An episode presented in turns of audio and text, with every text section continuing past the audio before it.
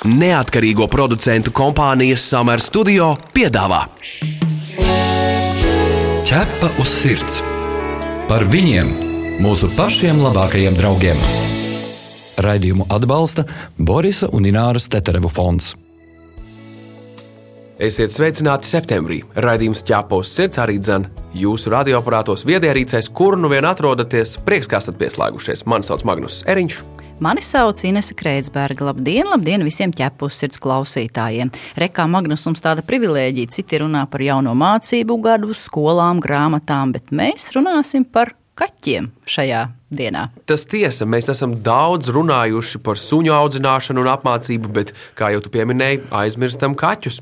Tas laikam tāpēc, ka kaķus mazāk redzam uz ielas, lai gan kaķi skaitliski ir vairāk, un Latvijā teju 70% iedzīvotāju ir kaķis, lai gan suns tikai mazāk nekā pusē iedzīvotāju, taču problēmas ir arī ar kaķiem. Jā, un ir bieži gadījumi tādi, ka kaķis uzvedas ne tā, kā saimnieks ir iedomājies, un šodien mēs runāsim, ko nozīmē kaķa agresīva uzvedība uzvedība un vai vienmēr ir vainīgs saimnieks un ko darīt īsti šajā situācijā.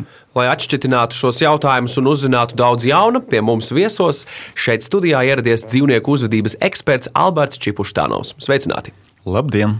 Alberts ir arī speciālists, kurš ļoti daudz zina par zoopsihiatriju. Tā kā mums īstenībā ir īstais cilvēks, kuram jautāt arī gan par veterināriju, arī par dažādiem medikamentiem, kurus iespējams vajadzētu lietot dažādu problēmu gadījumos, bet par visu pēc kārtas. Vispirms noklausīsimies mūsu kolēģis Janas Vītoliņas sagatavoto sižetu. Ja tavs sirds skaidro faktus, Ivetei Kuļikauskai vienmēr bijuši trīs kaķi. Kad uz citiem medību laukiem devās Ivetes vecākā kaķenīte, ļoti drīz mājās ienāca pavisam mazs kaķēns. Par jauno ģimenes locekli negaidīti šefību un aizsardzību uzņēmusies viena no Ivetes pieaugušajām kaķenēm. Par kaķēna apdraudējumu viņa uzskatījusi Ivetu un otru kaķeni. Agresīva pret mani, koda, kur varēja, un koda arī to vecāko kaķeni, lielāko. Mēs bijām tā kā tā vecā kaķenīte, un es biju tā kā ienaidnieks. Nevienam neizprotamā veidā mazā kaķa aizstāvēja pēkšņi parādījies piens un reizē arī mātes instinkts. Mazo kaķi viņa barojusi gandrīz pusgadu, bet no Ivetes un otras kaķenes aizsargājusi vairāk nekā mēnesi. Taču pēc tam agresīvā uzvedība pazudusi un dzīve atgriezusies vecajās sliedēs. Pie Evas Kivlenieces kaķis Fēliks nonācis sešu mēnešu vecumā. Kā teju ik viens kaķis, arī Fēliks ilgojies pēc saimnieces rūpēm un mīļuma filma. Viņš ielika klēpī, viņš mīņājās ar ķepām, viņš mūrā, es viņu pājāju, nepievēršot beigu uzmanību viņa, viņa ķermeņa tā valodai, vienkārši ņem cilvēks pājā kaķi. Un nākamajā brīdī tas kaķis jau kož rokā. Un tas moments ir ātrs, un tās pājāšanas moments arī pat nav tik ilgs. Kad Fēliksa saimniece vairs nav varējusi paciest sava mīluļa biežās agresijas izpausmes, sakostas saskrāpētas un asiņainas rokas, sākusi interesēties, kāpēc kaķis tā uzvedas. Es izlasīju, ka tas ir tā saucamā petting aggression, ka tas stimuls tam kaķim ir pa lielu, ka viņam it kā patīk, bet vienā momentā ir ieslēdzis tas nepatīk. Un tad viņš uzbrūk. Piemēram, ja kaķis ir klēpī un tu viņu pājā, un tu sāc manīt, ka viņam ausis pagriežās un astes sāk kustēties, pārstāt viņu pājāt un nevis ar rokām izmest no klēpja ārā, bet lēnām celties augšā, lai kaķis pats izlēc. Maz pamazām Eva iemācījusies sadzīvot ar Fēliksu, izprotot viņa ķermeņa valodu un ievērojot izlasītos padomus. Taču nevienu brīdi Evai nav ienākusi prātā doma kaķa agresijas dēļ no viņa atteikties. Biedrības dzīvnieku draugs valdes priekšsēdētāja Solvita Vība atzīst, nav retums, kad kaķa agresija ir iemesls tam, kāpēc saimnieki viņu atved uz patversmi. Taču katrs gadījums ir ļoti individuāls. Patversmē vispirms pārbauda, vai pie kaķa uzvedības nav vainojamas veselības problēmas. Vai kaķītim kaut kas nesāp? vai viņam nav diskomforts, vai nav kaut kāda nu, vienalga kažoka problēma, vai kaut kādas lielākas veselības problēmas, kas izraisa sāpes, piemēram, ja kaķi glauda vai ņem klēpī. Otrs izplatītākais iemesls, kāpēc kaķi agresīvas uzvedības dēļ tiek atvesti uz patvērsmi, ir kaķa individuālais un savu teritoriju sargājošais raksturs. Protams, ir jāskatās, vai mājā, kurā kaķis dzīvo, nu, nav ienācis jauns iemītnieks, kas kaķim varbūt nepatīk, vai ar kuru vēl nav nodibināts draudzības kontakts.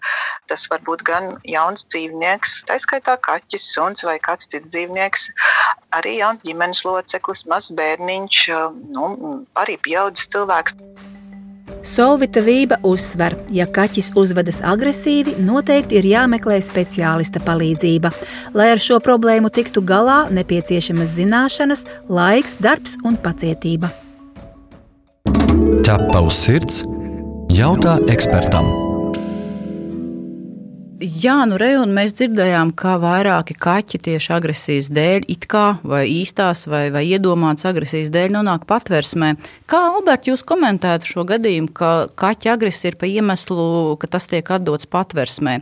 Vai tā varētu būt uh, saimnieku izdomāta problēma, vai ir kaut kāds tā saucamais triggeris, ka kaķis ir sācis kļūt agresīvs. Piemēram, ģimenē piedzimst bērns. Tas ir ļoti bieži iemesls, paliek, ka kaķis kļūst agresīvs. Jā.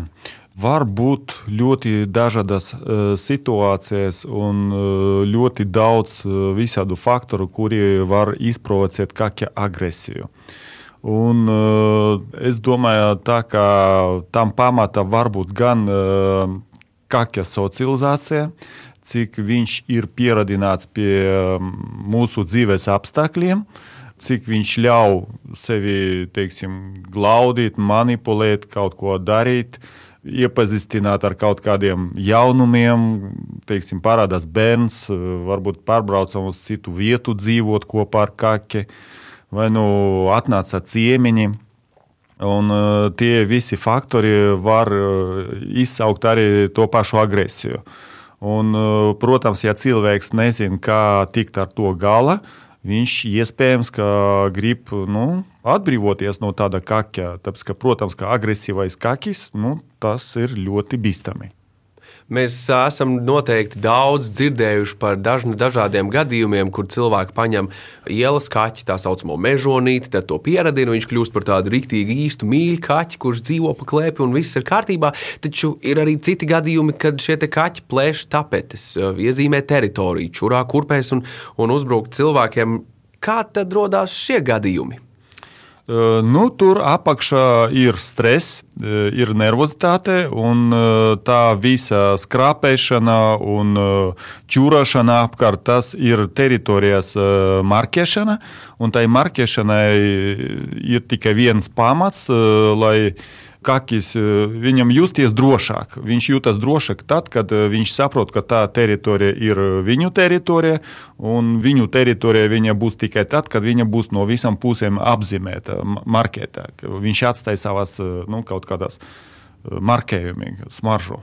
Tas nozīmē, ja mans divāns kā, manam kaķim ļoti patīk, viņš uzskata to, ka tas ir viņa divāns, nevis mans divāns. Nu, jā. un, ja es sēžu manā divānā, ko mans kaķis uzskata par viņa divānu, tad mums var rasties konflikts un problēmas. Nu, teorētiski jā, bet praktiski es domāju, ka tas nu, daudz, daudz retāk. Protams, ir tāds agresijas veids, kā teritoriālā agresija, Bet nu, visdrīzāk, ka vienas ģimenes ietvaros, ja tas ir jūsu kakis, nu, tad nu, nebūs tās konkurences eh, dēļ tā divāna. Bet pagaidi, paga pie tā paša jautājuma, to, ko Magnus sāk runāt. Cik tomēr liela nozīme ir gēniem? Nu, ir taču gadījumi, ja tur kaķis čurā kurpēs, ja plēš tapetus, mēs jau to dzirdējām. Vai tomēr tas nav saistīts, piemēram, ar to, ka tas dzīvnieks nu, bijis jau, jau paudzēs ielas dzīvnieks, nu, un tomēr iespējams, ka tas mežonīgā daba ir saglabājusies, jo šķirnes kaķiem nu, reti reti, ka tāda novērota uzvedība, plēšana vai čurāšana ārpus kastes. Jā, protams, Par gēniem tieši jā, jautājums. Jā, ģenētika ir milzīga loma. Un uh, ir kaķi, kurus uh, laikam izprovocēt uh, agresiju, būs nu, ļoti, ļoti grūti. Un, uh, ja viņš paņems no ielas, ja viņš nav socializēts un viņš pierādīs, uh, nu, uh, nu, teiksim, tā, baidīties no visa, lai izdzīvotu, un tagad viņš paņems mājas, tad nu, jā, viņam būs daudz vairāk iespēju kaut kur parādīt agresīvu uzvedību nekā tam kaut kādam šķirnes kaķenam, kurš izaug ideālos apstākļos, un tur viss ir kārtībā. Jā, bet tad turpinot šo, vai tā agresija kaķim, viņa var būt iedzimta, ja to arī var iegūt?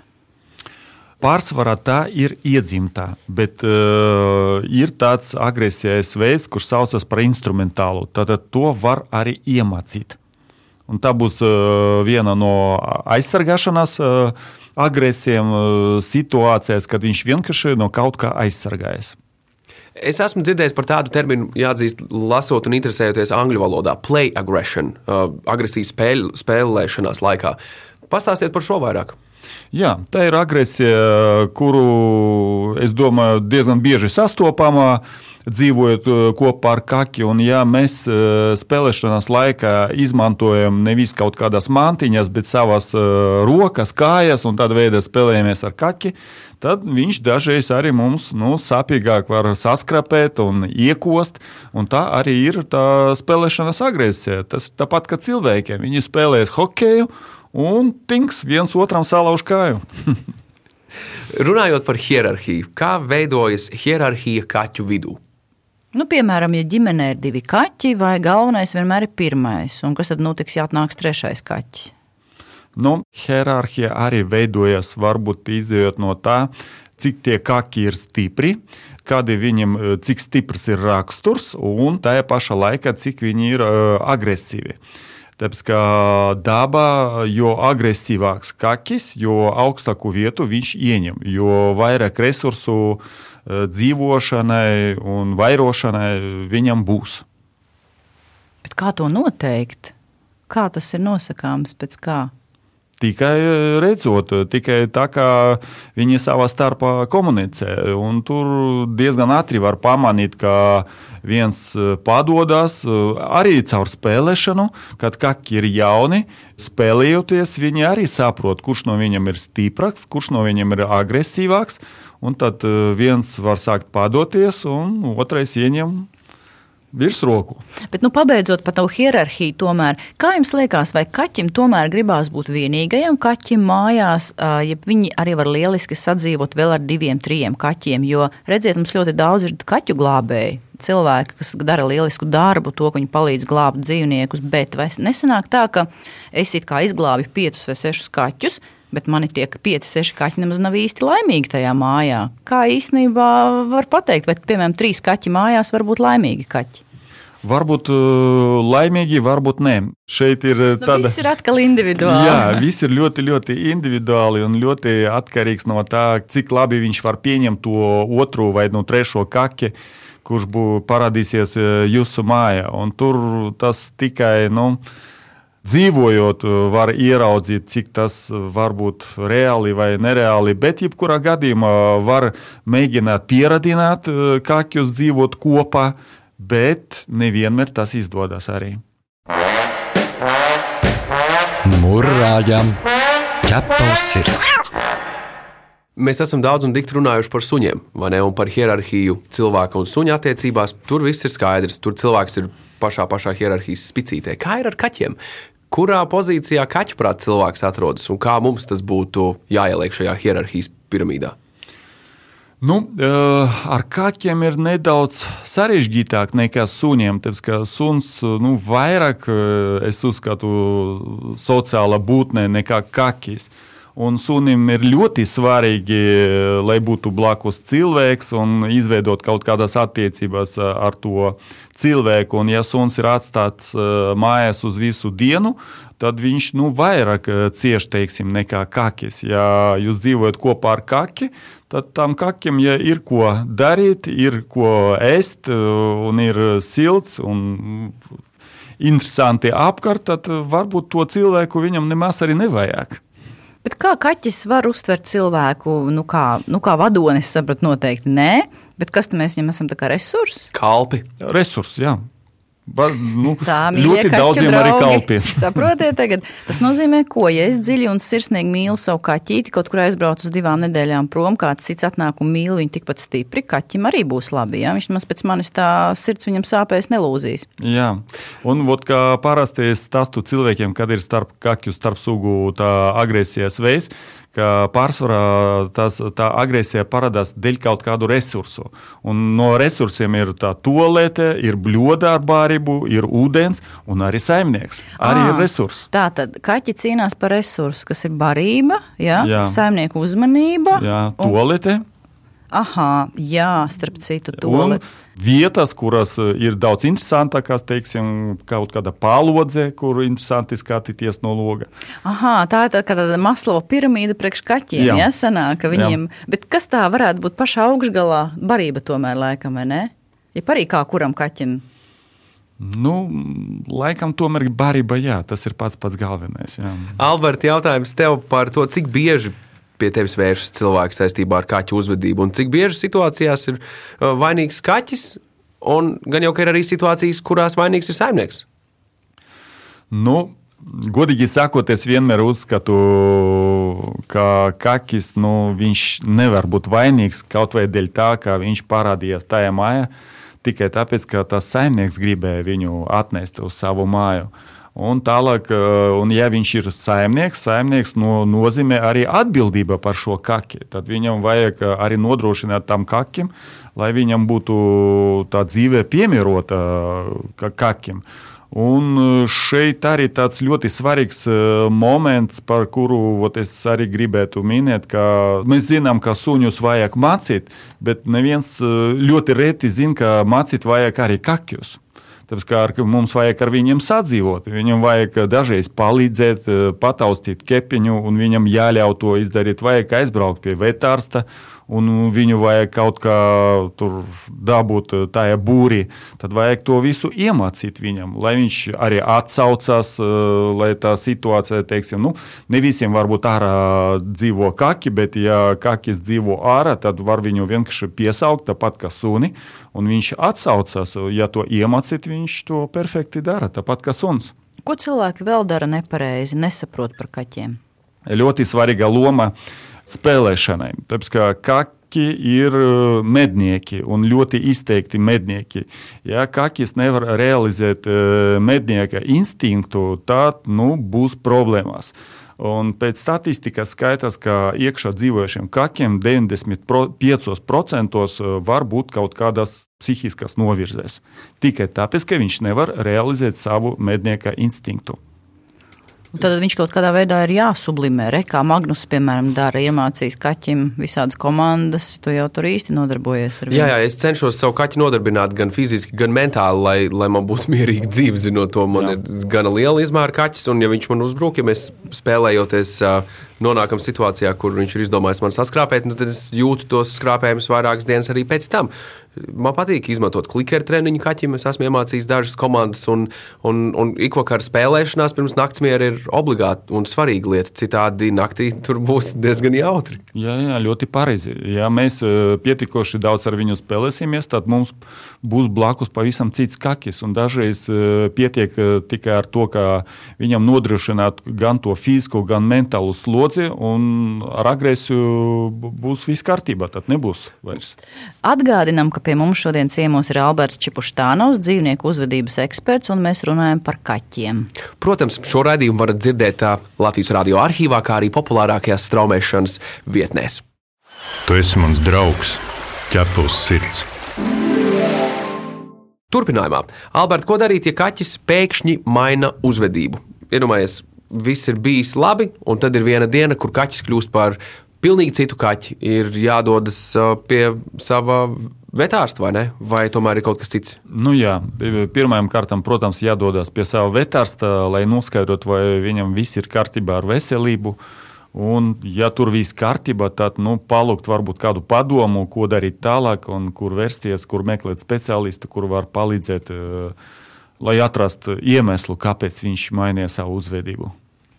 Bet kādas ir tās veselības problēmas, kas var likt kaķim mainīt uzvedību? Jūs domājat par agresiju, uz agresiju, ja, vai vispār? Par... Nu, piemēram, ja, ko darīt, ja kaķis pēkšņi maina uzvedību? Ja? Tātad, piemēram, bija mīļš jauks, pēkšņi viņš teiksim, sāk kost vai, piemēram, rūkt vai kaut kas tamlīdzīgs. Vispirms jāpārbauda veselība. Jā. jautājums, kas tam kaķim varētu būt pa vainu, kāda veselības problēma, Jā. kas viņam var likt šādi uzvesties? Jā, tur ļoti daudz var būt visādas problēmas, sākot no epilepsijas un kaut kādi ar galvas kausa audzējs vai kaut kāda cita šķidruma veidošanās, kuras spiež uz smadzenēm, un varbūt kaut kādas sāpes, varbūt vienkārši salauzta kāja, un saimnieks to nepamanīja un nejauši pieskārās pie tās. Un, protams, tad eh, kakis var nu, atbildēt, aizsargāt savu kepu. Dažreiz eh, vienkārši uh, sāp kākiem veders nav kārtībā, un mēs viņu paņemam ne tā, kā vajadzēja paņemt no aiz tā vedera, izdarījām viņam vairāk sāpes, un viņš arī var aizsargājoties uzbrukt mums. Ja kaķis nokārtojas ārpus kastes, to arī var saukt par agresiju? Nē, nekādā gadījumā.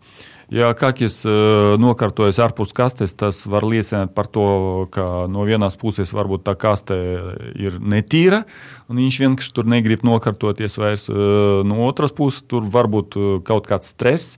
Un līdz ar to viņš grib vienkārši tās nu, teritorijas marķēšanu, lai justies drošāk, tad viņš arī var nokārtoties kaut kur citur. Par to kārtošanos ārpus kastes, nu jā, tā ir diezgan daudz jautājumu arī mums klausītāji raksta. Bet atkal un atkal jāprasa ir ekspertam, kāpēc nedrīkst sodīt kaķi. Uh, kaki nedrīkst sodīt vispār nekad. Nekādos gadījumos. Ekspertam tik gara nopūta bija. Nu, jā, jā. Mēs zinām, mēs daudzreiz par to esam runājuši, bet tas laikam jārunā ir vairāk, jā, jo tas laikam cilvēkiem joprojām ir tas stereotips, ka tur jābāž purniņš ir uh, peļķītē, ko nedrīkst darīt. Jā, Kāp, nedrīkst. Gadījumā, bet kāpēc tad varbūt pastāstiet? Tāpēc, ka apakšā visam ir stress, Un, ja mēs uh, vēl uzbruksim no savas puses tam kakim, tad mēs to stresu tikai paaugstināsim. Un tad uh, tam kakim būs vēl grūtāk pārdzīvot. Un, ja mēs viņam parādīsim, ka man nepatīk, ka tu šeit piečurāji mana klātbūtnē, tad viņš to izdarīs tur, kur tu neredzēsi. Viņš vienkārši var to izdarīt zem divāna, aiz skapja vai nu vēl kaut ko meklēt sev drošāku vietu. Bet uh, viennozīmīgi nedrīkst viņus uh, sodīt ja viņš izdarīja kaut ko, kas mums nepatīk. Runājot par kārtošanos ārpus kastes, mēs ar Albertu bijām risināt vienu uzvedības problēmu vienā mājā, kur izrādās kaķis nokārtojās ārpus kastītes, jo izrādās viņam kārtoties kastītē neļāva otrs kaķis, kas pēc eksperta domām bija slēptais agresors. Kā tas iespējams? Varat izstāstīt, kā viens kaķis var neļaut otram kaķim iet uz kastīti? Jā. Nu, kā mēs te jau minējām, ka tolete ir viens no resursiem, kurus dala kaki dzīvojot uh, vienā telpā. Un, uh, ja viens kakis uh, jūtas stiprāks un ir pats par sevi agresīvāks, tad viņš grib vairāk kontrolēt apkārt sev to telpu. Un uh, var vienkārši tīri fiziski neļaut otram kakim uh, piekļūt pie savas toaletes. Tad viņam nekas neatliek, kā tikai nokārtoties kaut kur cita vietā, tur, kur viņš jūtīsies drošāk. Un tad tehniski tādos gadījumos, tur, kur šis kaķis jūtas drošāk, tur arī viņam vajadzētu novietot šo kastīti. Tieši tā, tieši tā. Vispār Arhimētiski tā schēma izskatās tā, ka, ja mājās kāds no kakiem nokārtojas ārpus kastēs, un mājās dzīvo divi, divi kaki, tad ir jābūt trīs toaletēm. Tad cik mums ir to kaki plus viena toalete? Tā, tā kā rezerves toalete. Jā tajā rezerves stoltē viņi abi divi nokārtoties, vai tikai viens? Viņi, jā, viņi var nokārtoties tur uh, sākumā, varbūt katrs uh, savā tolētē, pēc tam mainīties, un pēc tam mēs redzēsim, ka viss sakārtojas un vispār varam atstāt tikai vienu tolēti. Tā arī var būt. Skaidrs, ka dzīvojot šādos uh, apstākļos pasaulē, kad uh, apkārt ir pandēmija un esošā situācija liek uh, daudziem cilvēkiem meklēt mierinājumu alkoholā, antidepresantos, Kā ir ar dzīvniekiem saistībā ar šo visu? Tiem tādi arī tiek piemēroti, es domāju, antidepresanti vai kas tam līdzīgs, uh, medikamentozu ārstniecību. Jā, es diezgan bieži savā praksē izmantoju arī medikamentus, tieši antidepresanti, tāpēc ka viņam ir tā prettrauksmes uh, darbība, un lai samazinātu šo stresu, kākiem, lai pārdzīvotu kaut kādu situāciju, mēs izmantojam antidepresantus. Un viņi dažreiz pat ļoti labi palīdz. Es redzu, ka nu, bez tiem vienkārši nu, nav iespējams palīdzēt uh, dzīvniekam. Viens no tiem ir arī tie saucamie feromoni, ja? kā viņi ir darbojas. Feromoni nav antidepresanti. Feromoni tas skaitās tāds nu, plus-minus dabiskais produkts. Tas ir sintētiski ražoti feromoni, kurus izdala māte, kad baro mazuļus. Tehniski tas varētu būt, ja tu pārvācies uz jaunu dzīves vietu, tu varētu izpūst feromonus, lai kaķis ātrāk adaptējas un lai Jā. ātrāk saprastu, ka okay, Jā. šeit viss ir droši. Viņam instinktīvi uzreiz laba, nu, droša sajūta pret to vietu, kur viņš jūt to smaržu. Tāpēc, ka kaķi dzīvo tomēr vairāk smaržu pasaulē, un viņam ļoti svarīgi, kā smaržo apkārtējā vidē. Bet par tiem antidepresantiem kaķiem. Kā mēs varam saprast, ka kaķim ir depresija? Mm, viņš ir nomākts, apātisks, jeb gluži otrādi nevietā meklē kašķi, konfliktu. Mm -hmm. nu, Par to depresiju grūti runāt, tāpēc ka depresija kā tāda, nu, man nav tādu informāciju, ka kaķiem var būt depresija vai nu, suņiem var būt depresija, kā slimība, tāpat kā cilvēkiem, tikai tāpēc, ka viņi nu, vienkārši nevar mums izstāstīt, kā viņš jūtas. Un pēc tā, ko mēs redzam, parasti mēs vienkārši secinājam, ka viņam var būt stress no kaut kādiem, nu, kaut kādos apstākļos, kaut kādās situācijās, no kaut kādiem stresa faktoriem. Un mēs šajā gadījumā izmantojam tie antidepresanti tikai tāpēc, lai paaugstinātu to, nu, tas, to saucamo laimes hormonu, serotonīnu, lai viņš vienkārši jūtas uh, laimīgāk, un lai viņam tie stresa faktori, kuri parasti izsauc negatīvas reakcijas, vairs nu, netik spēcīgi darbojas uz to kākim. Bet es noslēgumā gribētu pajautāt, vai teiksim, tas pandēmijas laiks ir atstājis iespēju arī uz kaķiem. Mēs, piemēram, zinām, ka suņiem bieži tās problēmas tiek pārņemtas no saimniekiem. Saimniekiem pašiem bieži problēmas ar sevi un arī nu, dzīvnieks tiek vai nu izlutināts, vai ne, neapmācīts, un īsnībā tās problēmas ir daudz vairāk. Kā kaķus tas iespaidoja? Viņiem vienalga. Nu, godīgi sakot, no savas pieredzes, jā, man diezgan daudz vēršas cilvēki tieši ar suņu, kaut kādam tur uzvedības problēmu suņiem. Kuri eh, var būt saistīti ar to pandēmijas laiku, ar to, ka cilvēks pavada vairāk laika mājās nekā parasti. Bet ar kakiem nu, kaut kā es tā nevaru pateikt, ka ir vairāk ot, tieši ar to saistītās problēmas. Jo tīri praktiski varētu būt šobrīd tas laiks, kad cilvēki atnāk mājā, viņi daudz nomāktāki, daudz vairāk stresa cilvēkiem, bet tad kā sanāk? Tad kaķis nāk vairāk, varbūt noņemt to stresu. Jūs tam ticat, ka kaķis var no cilvēka paņemt to stresu? Protams. Protams, pat ar savu klātbūtni, komunicējot ar kaki, nu, vienmēr cilvēks, ja, ja, protams, viņam patīk tie kaki. Un, ja, nu, mēs arī pieļaujam, kakis... ka cilvēki dzīvo kopā ar kaķiem, jo viņiem jā, tie patīk. Jā, ne? Savādāk tā, tā, nevarētu būt. Tā, tāpēc, protams, tā, tas nu, nes viņam baudu, un ja viņam ir labas attiecības ar savu kaki, tad nu, jā, viņš atbrīvojas no stresa, viņš jūtas daudz labāk. Un, ja viņš zina, ka viņam šodien vajag atnākot mājās, tur ar kaki paspēlēt, tad es domāju, tur būs labi ne tikai kakim, bet arī tam pašam cilvēkam. Noslēgumā tomēr vienu repliku pandēmijas sakarā un, uh, un cilvēku un kaķu attiecību sakarā. Tad, kad mēs visi attālināti strādājām, man šķiet, daudzi kaķi dabūja ēst vairāk nekā parasti, jo viņiem ir spēja no cilvēka izvilināt ēdienu. Man šķiet, tas varētu būt viens no faktoriem, kam pievērst uzmanību tālāk dzīvē, rūpējieties par savu kaķu veselību. Un arī paši ēd vairāk, uzturoties mājās. Jā, jā, jā tieši tā. Kopā ar saviem kaķiem. Visur kopā - ķepus sirds. Alberta, mīļš, paldies, ka varējāt atbildēt uz dažnu dažādiem mūsu un klausītāju jautājumiem šajā ķepaus sirds paldies. epizodē Latvijas radio pirmajā programmā. Līdz nākamajai reizei, un kaķu tēmu noteikti neslēdzam ciet. Jā, kaķu tēma ir aktuāla, un droši rakstiet mums arī savus jautājumus. Bet, Magnus, ko tad mēs dzirdēsim nākamajā nedēļā? Vai esat dzirdējuši, ka rudens ir tas laiks, kad uh, cilvēkiem aktivizējas dažādas veselības līkstas, ir tādi mīti dzirdēti, ka imunitāte pavainājas un vājās vietas dod par sevi zināt. Jā, tas ir dzirdēts, un es, piemēram, esmu dzirdējis, ka imunitāte un veselība pasliktināties var pirms cilvēkiem dzimšanas dienas. Tā kā nezinu, vai organisms kaut kādā veidā atceras dzimšanas brīdi, tur varbūt ezotēriķiem būtu ko teikt. Bet, um, nu, ja tas tā ir cilvēkiem, interesanti, vai tas ir arī dzīvniekiem. Bet tas viss pēc nedēļas. Mani sauc Inese Kreitsberga. Mani sauc Magnus Eriņš. Raidījumu veido neatkarīgo producentu kompānija Summer Studio. Visu labu! Atā! Ķepa uz sirds! Informatīvi izglītojoši raidījums par dzīvnieku pasauli un cilvēkiem tajā. Raidījumu atbalsta Borisa un Ināras Teterevu fonds.